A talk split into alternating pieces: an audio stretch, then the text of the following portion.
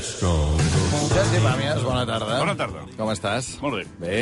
Escolta'm, uh, Sant Jordi, uh, perquè clar, en parlàvem amb el Xavi Bosch, en parlàvem amb l'Ester Pujol, amb aquest Barça a un quart de cinc de la tarda... A veure si poden canviar-ho. Bueno, A i, i tu què faràs? Perquè, clar, tu, tu eh, estàs a punt de publicar llibre amb el Quim Monzó, això vol dir Sí, que... però no, no fem promo. I no feu signatures I per no Sant fem Jordi? signatures. Ah. És, és ja el top, quan arribes a- al top, el top és que no, no sàpigues que havies de fer un llibre i l'hagis de fer, i, i el facis i no l'hagis de promocionar perquè, a més a més, jo no he intervingut en tot això, és, és així. I, bueno, està bé, també. Has de passar per totes les experiències en aquest món. I, Per tant, el que no tindràs és el que- dubte aquell de dir si vaig a signar el dia de Sant Jordi o vaig al camp, o, o miro el futbol perquè he de fer la crònica, diguem. Bueno, això és el més... Mm. O sigui, la, la, la màxima, diguéssim, vinculació amb les obligacions serà el que jo haig de fer l'article. Per tant, eh, de, de 4 a 7 hauré d'estar in, invertint el temps en la, en la visió del partit i, i en l'escriptura de l'article. A vegades m'encarreguen fer alguna peça d'ambient, també, de, de, de Sant Jordi. De manera que a vegades faig doblete. I aquí ho tindrem difícil. Hauré de fer... No sé, espero, espero. Espero esdeveniments. Soc, soc una persona oberta, absolutament oberta. Mai havia sigut eh, tan, Tan obert. Tan obert. Bueno, un dia jo recordo que vas dir una cosa que a mi, més m'ha servit llavors a la vida, que és a partir dels 53 anys tu vas decidir, Pàmies, tot allò que t'arribi, que abans haguessis dit que no, que no ara diràs que que sí. sí. sí. I t'he de dir que m'ha funcionat molt bé fins als 60. No, no, t'ho dic perquè ja, ja que t'ho trobaràs. I a partir dels 60, el fet de radicalment decidir que tot allò que era que no ha de ser que sí, començava a presentar algunes falles. De manera que ara estic en una, en una zona molt més eh, sensata, que és que faig les coses en funció d'un criteri arbitrari, eh, intuïtiu, uh -huh. però no dogmàtic. O sigui, el que s'ha acabat, perquè d'alguna manera el dir que no També era un altre també dogma. era un altre Clar. Eh, era molt millor que l'anterior, eh? O sigui, el pitjor, amb diferència, és dir que no quan creus que has de dir que no. Això s'ha acabat. Això és un desastre. El que has de deixar-te és, és sorprendre de tu mateix. I, en canvi, ara estic en aquesta fase que, que depèn, que és una mica el... Fugint del dogma. Sí, jo crec que quan, eh, quan em toqui posar un, epi, un, un epigrama o com es digui això... Un, Un epitafi. Un epitafi a la tomba, Ai. posaré depèn. em sembla que és el que millor retrata l'estat d'ànim filosòfic respecte a tot. El, el més Sí enllà, no? Sí o no, el també, no? La passat, cançó que... Sí, Sí, o sí, no? no. Clar, Sí, també és la no, cançó sí, aquesta no. que pogués Sí. sonar... Que hi hagués un codi que hi hagués QR un codi QR. que tu Sobretot un codi QR. sonés aquesta cançó. Sí, que, que a més així jo no el sabria fer anar. Bueno, perdona, Però que és, que no, és que no podries fer-lo No, anar, no perquè podria tu, fer anar, no, tu no. estaries allà de cos sí, present. Sí, hi hagués un sistema, un sistema d'amplificació i aleshores la gent fent el codi QR els hi sonés el sí, no? perquè realment és que tot al final és depèn. I per tant, tot això que passarà el dia de Sant Jordi, doncs depèn si canvien l'horari, si no canvien, mm. si hem de fer d'alguna manera un, un de treballar o no hem de treballar, però sí, sí que crec que és una, és una mala jugada.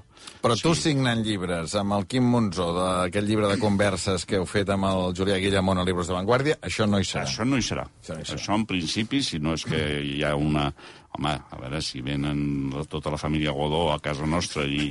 i, i Com haurien de venir? Amb quines intencions? Home, viole, violentes, eh, violentes i, i, i s'arriba a un acord, però en principi, en principi, tot es va establir de manera que això no s'hagués de fer. Inclús crec que, tal com està el pati de la promoció massiva i de la massificació del dia aquest, que és un dia meravellós però molt dur en, per la gent que ho treballa, crec que acabarà sent un al·licient. O sigui, potser estem obrint un camí que és que, ostres, saps que aquells no firmen? Llavors ja, ja es crea com una doble expectativa.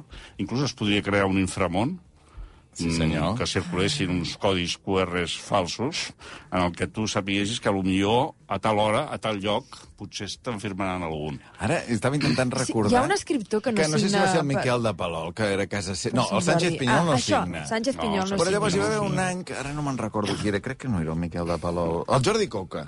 Tinc la sensació Pot que el. Jordi Coca va dir, vingueu a casa. Ah, clar. Que això no sé. còmode. Portes Sí. obertes, Però tu fixa't, faries... ara, ara, eh? ara, ara ha passat una cosa del món aquest de l'edició, i aquí som, que m'ha semblat eh, sensacional. Uh, la Irene Solà Sí. ha anunciat que traurà un llibre el 10 de maig. Això, això és d'una intel·ligència eh, sensacional, perquè tu estàs agafant el rebuf del Sant Jordi, no participes del, de l'esforç titànic que suposa tant per l'editorial com per l'autor com pels llibreters. És veritat que renuncies al, al, al culte, a la personalitat, però també te'n desmarques. I dius, home, això, això està agafant... Hi ha estones en què, en què no firmes cap llibre. Estàs fent fotos, estàs eh, contestant entrevistes de, de suposats diaris digitals, est- estàs amb totes unes guerres que no són les teves. Mm -hmm. eh, per tant, i ella farà el, el 10 de maig, jo crec que serà un dels llibres de més èxit de Sant Jordi. perquè la gent, d'alguna manera, passarà el Sant Jordi pensant, eh, no, sobretot no oblideu Que el encara 10 en queda allò. Home, Sí, el 10 de clar, maig sí, tenim sí. el... És com... Eh, quan, quan vas a un concert, no? És un bis. És com un bis. Mm Mhm. -hmm. I està molt ben pensat i és molt intel·ligent fer això. I, a més a més, crearà escola. O sigui, a partir d'ara, alguns, els autors que puguin permetre's, això no és fàcil, perquè sortir al maig tots els editors et diuen que és una bogeria. Sobretot si s'espera que venguis molt, com és el Ah, cas de la Irene Solà, a dir, no? ha, de, ha de ser algú que, que creï expectació mm. per si mateix, que no depengui del calendari. Això, en el fons, és un alliberament. El no sortir ni per Nadal ni per, ni per Sant Jordi doncs és una manera d'alliberar-te d'aquesta- d'aquestes servituds que té el calendari. Però vaja. Bé, hem començat parlant de llibres... Eh... I ara hi ha coses que et volia preguntar a tu. A veure. Perquè tu m'has preguntat a mi i em sembla que en veure. Ai, correspondència... ai, ai. Jo avui he vist que hi ha un programa que es diu La Ruïna, Sí. Ah, sí. que comença avui. Comença, no, el 18 d'abril, em sembla. Ah, Sí, és sí. que jo l'he vist anunciat avui. No, I és diu que- el dimarts, i el dimarts avui és dimarts. Doncs és d'aquí 15 dies. Doncs, doncs has de dir-los als que estan fent la promoció que això no ho han fet bé. Va, però jo sóc el convidat d'aquest programa, vull dir, no... no... Perfecte, per tant... Pensa que aquest programa s'havia de fer fa El 10 de gener Val. es havia d'estrenar, eh, t'ho explico la història, o sigui, la, la ruïna que ja... Ja, ja ho diu el títol. Ja, ja, ja, ja, anem, ja anem coixos. Però el, és el podcast de, Sí, de ràdio de l'Ignasi Taltabull, del Tomàs. Fuentes, versió televisiva, en català, televisió espanyola, produït pel Terrat. Em conviden a gravar-ho, eh, ho gravem a finals de l'any passat, i diuen, s'estrena el 10 de gener i comencem amb el teu capítol 10 de gener. 9 de gener van venir a Islàndia a presentar-ho, que l'endemà eh, havien de començar, i a l'últim moment van saltar la programació fins a l'abril, perquè es veu que a Televisió Espanyola s'havia imaginat un pack, que crec que està ben vist, que és Cachitos, nova temporada de Cachitos, i darrere de Cachitos, La Ruïna. I això, Cachitos, es veu que es va endarrerir fins a Setmana Santa. D'acord, per tant, el que jo he vist anunciat com si fos avui, no és avui. En, si ho has vist com si fos avui, és el, Jo ho he interpretat. el 18 també. d'abril. També 18 he de dir que tinc les neurones eh, interpretatives una mica en, en, en un estat eh, lamentable. El pròxim dia que vinguis a Islàndia, que Sí. serà el dimarts Serà aquella- 18 d'abril... serà aquella nit. Aquella nit ja Sí. serà. Home, sí, doncs serà com el una vis, festa. saps? Allò... Segona pregunta. Segona pregunta, És, he llegit i he vist que també faràs un programa a TV3 Això sí. Clar, doncs això jo crec que mereix una, una explicació. És a dir, estem parlant també de l'abril? No. Més estem- endavant? Estem parlant de... De que encara l'has de fer, aquest. Que l'he de gravar, aquest. Aquest sí, l'has sí. de gravar. Sí. Per tant, estem parlant d'un projecte a mitjà i llarg termini. Um, un projecte a finals d'aquest any. Per emetre a finals d'aquest any i per gravar abans de l'estiu. TV3. TV3. Un projecte que jo crec que potser, Sergi, tu podries ser el perfil i que podries aportar-hi alguna cosa. Estic convençut que tu hi podries aportar moltes coses i ves que no vingui a remenar-te a casa teva a veure amb què tens allà. O sigui, això es diu una altra història i es tracta de trobar els tresors que la gent guarda a casa, o sigui, objectes, eh, els 100 objectes que expliquin els 100 últims anys de Catalunya, diguem, no? D'acord. Llavors, són vuit programes que es fan a vuit ciutats diferents de Catalunya, i ara el que ha de fer la gent, i que ja està fent, que hi ha pràcticament mil objectes a, a la web que ja ha penjat, que és entrar al web aquest tv3.cat barra una altra història i tu penges una foto de l'objecte que tu creus que té un valor personal i històric, diguem, no? I que, hi ha, que tens una història amb aquell objecte que, que té algun sentit. Llavors hi ha un equip d'historiadors que filtrarà, ara hi ha pràcticament un miler d'objectes a la web. Uh, no, no, no, No. Tortajada no, no, no. Uh, o sigui, l'equip és del Terrat, però hi ha uns historiadors que seran els que filtraran això, que també participaran en les gravacions, i això s'acabarà amb vuit programes, com et deia, i, i llavors amb una exposició en, en un museu de Catalunya on podràs veure tot I això. el programa serà un recopilatori d'aquests objectes i la gent que els, El que els programa, defensa. ima- imagina que tu ara entres al web i, i penges un objecte Sí. que tens a casa teva i que ens agrada, que els historiadors creuen que és important. Sergi Pàmies, mira, vostè és de Barcelona, doncs mira, fem un programa a Barcelona, el gravem el 22 de maig, per dir alguna cosa. Vingui amb el seu objecte i llavors jo allà t'atendré molt amablement. Molt, Sergi, sí. què m'has Posaràs posat? la música aquella suau per començar l'entrevista? I què? Sí, I què, aquest objecte? Exacte, Sergi, què? Hola, Sergi, Hola. què, què m'has portat? Hola. Doncs mira, aquest és, és, és, un, és un objecte de quan era petit, no? És, és aquest sí, to, no? Exacte, Molt sí, bé, sí. bé, això, el meu pare, no sé Clar, què, quan clar, estàvem clar. a l'exili, aquesta maleta, no, et porto la maleta, no sé què, o et porto... Està bé, està bé. No, no, és que ho he vist i que se m'han Que aquesta- acumulat les notícies televisives referides a Albert, i dic, deixa'm-ho aclarir. Aquesta, perquè... aquesta és la idea, sí, sí. Molt bé. Produït pel Terrat i, i a TV3, suposo, a final d'any, sí. Content? Molt, Il·lusionat? molt. Ara, mare, Sí, sí. això s'ha de fer, de Però fer. Islàndia segueix... Vull dir que la gent... Ah, sí, Deixem-ho sí, clar. home, sí, sí, Deixem-ho clar, que sí, això sí, tot no, no, això es la es ràdio. grava en caps de setmana i és totalment compatible per l'altra gent. Per mi ja no ho sé si ho serà, diguem, per...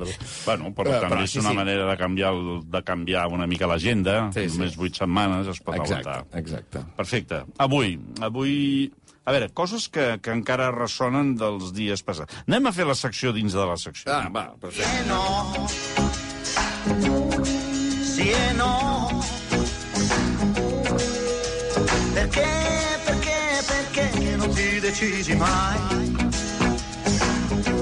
Un po' ci sei, poi non ci sei. Mm, informe setmanal. Sí. Televisió espanyola. 50 anys. Que és aquelles notícies, quan la veus, dius, hòstia, eh, fa mal, és una notícia que fa mal als que tenim una edat, perquè és, eh, els francesos en diuen coup de vieux, és un cop de vell. De cop i volta pensaves que, no sé, diries, eh, quants anys fa que fan l'informe setmanal? 30. També, també és veritat que n'haguessis dit bastants, però, ostres, 50 són molts.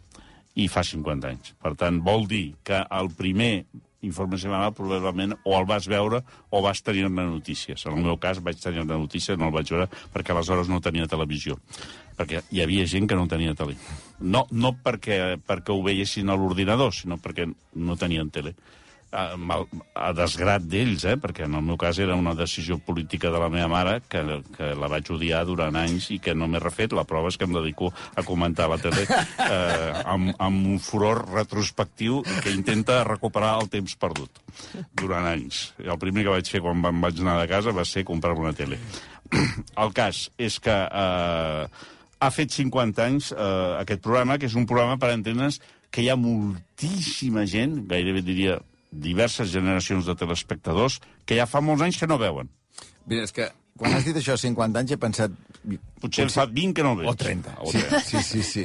Sí, eh? sí, sí. La És primera un format- generació d'informe És setmanal. un format eh, ancestral. És, és com un fòssil. Eh?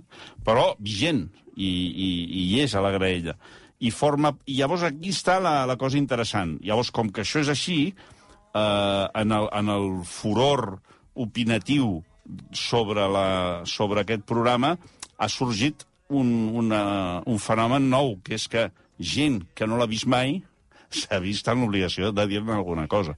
I, a més a més, el programa ha tingut l'encert de començar amb unes paraules de la reina Letícia Ortiz, que havia sigut casualment durant molt poc temps accidental eh, reportera del, de l'informe setmanal, era, és un programa de reportatges, que, que d'alguna manera resumeixen el que havia passat durant aquella setmana. Uh -huh. Durant molts anys era l'únic programa, per tant estem parlant d'un programa de màxima audiència amb un gran seguiment. I mm, que d'alguna manera transmet un to eh, de rigor i de televisió pública clàssic. O sigui, és un clàssic. O sigui, si, a vegades vas per la carretera i veus un, un restaurant i, i posa Can Pepito i veus hi ha un dibuix d'un senyor amb barretina amb un porró. Eh, mai se t- se t'acut pensar que fan esferificacions. Saps que quan hi entris hi haurà la possibilitat de menjar allioli i, i, i, i costelles. Vull dir, no és una cosa que et difícil. portaran la llesca de, de pa de pagès torrat, que, amb el tomàquet a part, que tu hauràs de sucar que tu, tu, tu has no? de fer, aquells, eh. aquells satrilleres, i, Eh. I d'alguna manera, eh, Informe Semanal és això, és un restaurant de carretera de tota la vida que saps que el que t'hi donaran és un, un menjar concret fet d'una manera concreta. Llavors, com que va sortir la reina, i la reina vulguis que no, crea controvèrsia, sobretot en el, en el furor més juvenil i més participant de les noves tecnologies, eh, no era possible, s'havia de dir alguna cosa, hi ha hagut com uns estires i arrons. Com és possible?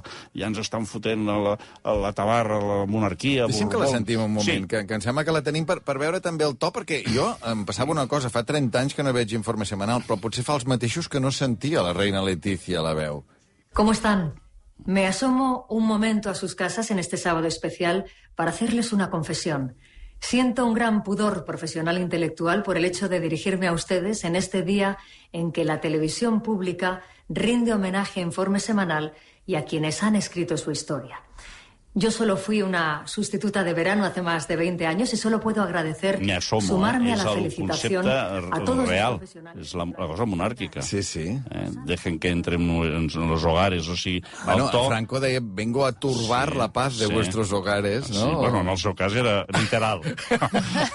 era literal. Però eh, aquí el que fa és servir, fer servir la retòrica dels, dels reis, però amb l'afegit de la cosa eh, periodística. Però, És, tu, tu li sents eh, to de reina o to de... comença amb to de reina Eh? i fa una transició molt lenta, però molt ràpida, a, a periodista. Uh -huh. I a periodista eh, impecable, que és una categoria de periodista eh, anacrònica. O sigui, el, si hi hagués una acadèmia de periodisme audiovisual, ara li dirien massa... massa perfecte. eh, bé. perfecte. Ho has fet- És un festival, són tres minuts que qualsevol persona que li interessi el que és la comunicació audiovisual, no hi ha cap error. És Usain Bolt. O sigui, comença a córrer i guanya. Qualsevol... Tot és perfecte. És, és eh, en repte del xat GTP, ni intel·ligència artificial, ni res. És, és perfecte. Però creus que, que és a la És primera, perfecte. que és una Perdó. versió feta a la primera, o que aquí no, hi ha és igual. moltes... És igual. No, no ho crec que sigui la primera. Inclús diria que es deno, denota un, un esforç de, en els gestos, la manera com mira ara tal, ara sé que m'estàs enfocant una mica més, està llegint, evidentment, però és brutal. Són tres minuts memorables. Ara, estàs en una altra dimensió. Si estàs... Tu fots el porró i dius, quants anys fa que no bevia un porró? No? I dius, ostres, però és que és molt bo aquest porró. I, i, i és, és clar, això ha creat, imagina't, una... És perfecte. O sigui, les persones que re realment li interessi això de la comunicació veuran i a més són tres minuts. El llenguatge és antic. És un llenguatge de, de, de cumbre iberoamericana. Eh, o sigui, ho té tot en la part negativa, i, mm -hmm. però en canvi té un nivell de, de una força comunicativa eh, i, i obté el resultat que busca. Jo crec que això és interessant que la gent que vulgui el, el recuperi, el vagi a veure, perquè amb això que deia Sergi, jo ho veig al principi, ella comença de gestualitat, ajuntant els cinc Sí. dits de les dues mans, amb una posició molt, molt eh, reial, molt monàrquica sí, sí, sí. i molt poc periodística, diguem, no? Sense moure's i... I, en canvi, a la que comença a parlar, ràpidament se li comencen Sí. a moure les mans, ja, no? I dius, ep, ep, que estic recuperant I la quan es periodista. mou ella tota, Sí.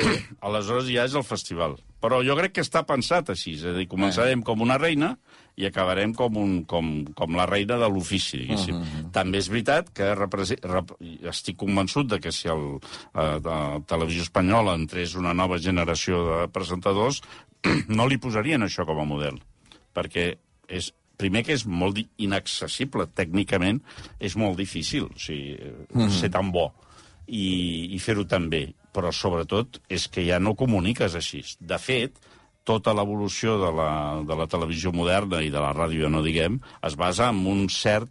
Mm, eh, treure's la cuirassa de la oficialitat i de la literalitat de tot el que s'ha de llegir i passar a una certa informalitat. No? Eh, això a vegades ha patinat cap a l'altra banda, però eh, és evident que ara no, no, ja et dic, això no, no seria ni, ni suportable. Ja hauria... Ara imagina't això durant mitja hora. No? Seria, dius, no, prou, prou, prou. O sigui, tots els adjectius, la dicció, la respiració, la mirada, la, la, la que t'està demanant, acabes exhaust, truques al 010 i dius, escolta, enviï'm una, una ambulància... No, no és el 010, és el 061, em sembla. I, i, 112, posem. Sí, eh? 112, 112, qualsevol. allà ho centralitzen tot. Qualsevol que no sigui el 010. I, Sí, pel 010 em sembla que potser et donarien alguna mica d'informació, no? Sí, no, informació ciutadana. Potser dirien truqui als 112. Exacte, sí. i, i bueno, per això que ha sigut No, no, una escolta'm. cosa realment. Després, una altra, una altra ressaca que tenim és del 30 minuts del diumenge. 30 minuts del diumenge va parlar de la, dels mòbils. Ara, hi han dos fenòmens, un és el de la intel·ligència artificial i l'altre és el descobriment sobtat, també, eh, abrupte, de que eh, la gent està enganxada, que a més a més s'ha produït a, després del tema de les violacions per porno. És a dir, hi ha hagut com una... Si, si busques, aquells que van a buscar els incendis, que busquen la, la, la borilla, Sí. i troben la borilla, diuen, no, no, això ha sigut una borilla. Doncs la borilla del, del tema dels mòbils és la violació de, de Badalona i, i, del, i dels col·legis que hi ha hagut, no? Aquestes coses entre menors. Llavors, d'això s'ha passat al, al porno, a la facilitat amb la que els nens accedeixen al porno, i d'aquí s'ha passat al, les hores i el descontrol que tenim en relació als mòbils. Això és un tema que fa anys que s'estudia, que es comenta, que es legisla, que alguns països hi ha gent que dona la tabarra, una mica el que, amb el, com a canvi d'horari. Saps què? Hi ha una minoria que fa 20 anys que dona la tabarra amb el tema del canvi d'horari. I un dia hi haurà un problema gros amb el canvi d'horari i aleshores tothom començarà a parlar del canvi d'horari. En aquest context, uh -huh. el, el 30 minuts eh, va ser esplèndid perquè el que va fer és endreçar tot això tot el pànic eh, amb experts i, a més, donar-li una visió científica, com afecten les neurones. Tal. I algunes de les coses interessants que es van explicar, a part de que, com sempre, es busca un institut en què han, han tret els mòbils, però n'hi ha 4.000 que no. Per tant, el problema el continues tenint. I és com eh, perquè a vegades això no saps com explicar-ho, com afecta, perquè llavors et diuen, no, però vosaltres també veieu molta televisió, ara s'ha sabut que la gent a Espanya veu 3 hores i mitja de televisió, vull dir que tampoc és que podem donar exemples a ningú de, de màxima atenció. I és el canvi de rumb de l'aprenentatge. Això és sensacional. A veure, com? sí. És a dir, el que ens van explicar al 30 minuts és que fins ara el coneixement, o sigui, la manera de percebre una informació que t'estan donant en una escola, amb els companys, o quan estàs escoltant una cosa, té una, tenia un recorregut, un rumb, un full de ruta. Passaves del punt A al punt B al punt A. I amb el sistema dels algoritmes del, dels mòbils, el que canvia és aquest rumb. I no només canvia, sinó que es fragmenta i es dispersa, de manera que se subverteix. No sabem tornar a casa. És a dir, per anar del punt A al coneixement final, que hi havia un procediment clàssic, eh, si tu vols, amb algunes digressions, basada en l'atenció, el que ha pervertit el sistema dels mòbils, sobretot amb gent molt jove que està en formació cerebral, és que tu, això és campixa. I una persona de 6, 7, 8, 9 anys, que són les persones que es troben en aquesta situació, ja no, ja no es, es perd. I es perd fins al punt d'acostumar-se a perdre's. De manera que el que fa és perdre el rumb de l'aprenentatge. I quan ha de recuperar sistemes clàssics d'ensenyament i de pedagogia, és incapaç. Ah, això ho- t'ho van anar dient així, amb un 30 minuts, el, el diumenge, tard, i tu em figura que has de fer, fingir que no és el, el més greu que t'han explicat des de fa anys, no? Però, com sempre, això, hi ha gent que fa molts anys, no? hi ha un, un famós assaig de fa 6 o 7 anys, que era la, els lladres de l'atenció, que, que explicaven com ens estaven robant cada vegada més el, la, la, Interessant l'atenció. aquesta comparació, que no sé si les fas tu ara o la feina al 30 minuts, això de, de, de no saber tornar a casa, no? O fins i tot no saber on és casa, no? Ah, No, no, no. I a més a més, eh, amb l'agreujant de que la, la disparitat d'estímuls no saps on et porta. I si fos només això, rai, però d'alguna manera t'estaven dient que el que fa és atrofiar-te el camí normal, si és que hi ha un camí normal. No? Per tant, gran, gran programa que si la gent vol pot, pot, pot recuperar. Aquesta seria. Després, avui, què tenim avui? Avui tenim un, un Osasuna atlètic. Ho dic perquè Atlètic. Osasuna, no? Sí, és la tornada. Osasuna. Sí, sí, és la tornada. La... O sigui, demà hi ha el Barça-Madrid, avui és l'altra Que semifinal. I han obert. I perquè és un d'aquests plaers, és una mica l'una, això, eh? és anar a un camp i que hi hagi hòsties i dir, bueno, però ja... Bueno, hòsties, però després s'han demanat perdó. No, no, perdona, però has sentit dient... A mi m'agrada que hi hagi que hi hagi un, gra un grau mica. i que després demanin perdó. Això m'agrada molt. Com, com ell ha estructurat el, el, el protocol. Primer ens insultem, ha dit, han cascat l'entrenador. És a dir, Tu el vas veure o no? no, no, El- però jo m'he imaginat una situació, jo m'he imaginat una situació dantesca. I, I en canvi ell diu, no m'agrada que casquin l'entrenador, li he de dir al Joaquim que a mi tampoc, però Sobretot perquè... Eh, diu que eren més... Clar. Eren quatre contra un. Exacte. Ell Sí. que, creu que Això hagués l'heu sigut trobat lleig. un entrenador contra Sí. l'altre, encara ho hagués Encara. trobat. I que hi, hi havia hagut molt mal ambient i molt rotllo, però que això no li desagrada. En aquest context, un atlètic eh, Osasuna eh, han obert televisió espanyola. O sigui, estem parlant ja de coses que Juan no es Carlos veuen. Rivero, potser sentirem es la veu, no sé. no es sí, veu, sí. ja. No es veu, això. Eh? Per 1 a tant, 0 d'Ossassuna al partit d'anada, vull dir que avui, avui es decideix a més, tot. no? avui. Su- Tenim un jugador allà. Tenim... Ah, sí, amb tant, l'Abde. Sí, Després tenim eh, el sense ficció, que avui, com que hem entrat en una fase... És que la gent que fa les programacions sí. A pensa... veure, Normalment, els, els sense ficció eh, són males notícies. És a dir, és un tema social dur, és una denúncia, és una crítica, i avui és la balena, una balena. Jo això ho agraeixo. Ja hem entrat a la Setmana Santa, Ara. ja és un altre ritme. Com dient, no els hi fotrem un especial sobre internats belorussos amb gent que, que a les nits se'ls venen amb, una, amb un carreró a, a darrere. No, no, no els hi podem fer. ben programat. Ben programat. Ben Molt programat, ben programat. programat. Risto, què fa avui Risto, Chester? Avui, David Trueba. Home, Ah, avui, avui el Risto no parlarà. Avui haurà d'escoltar.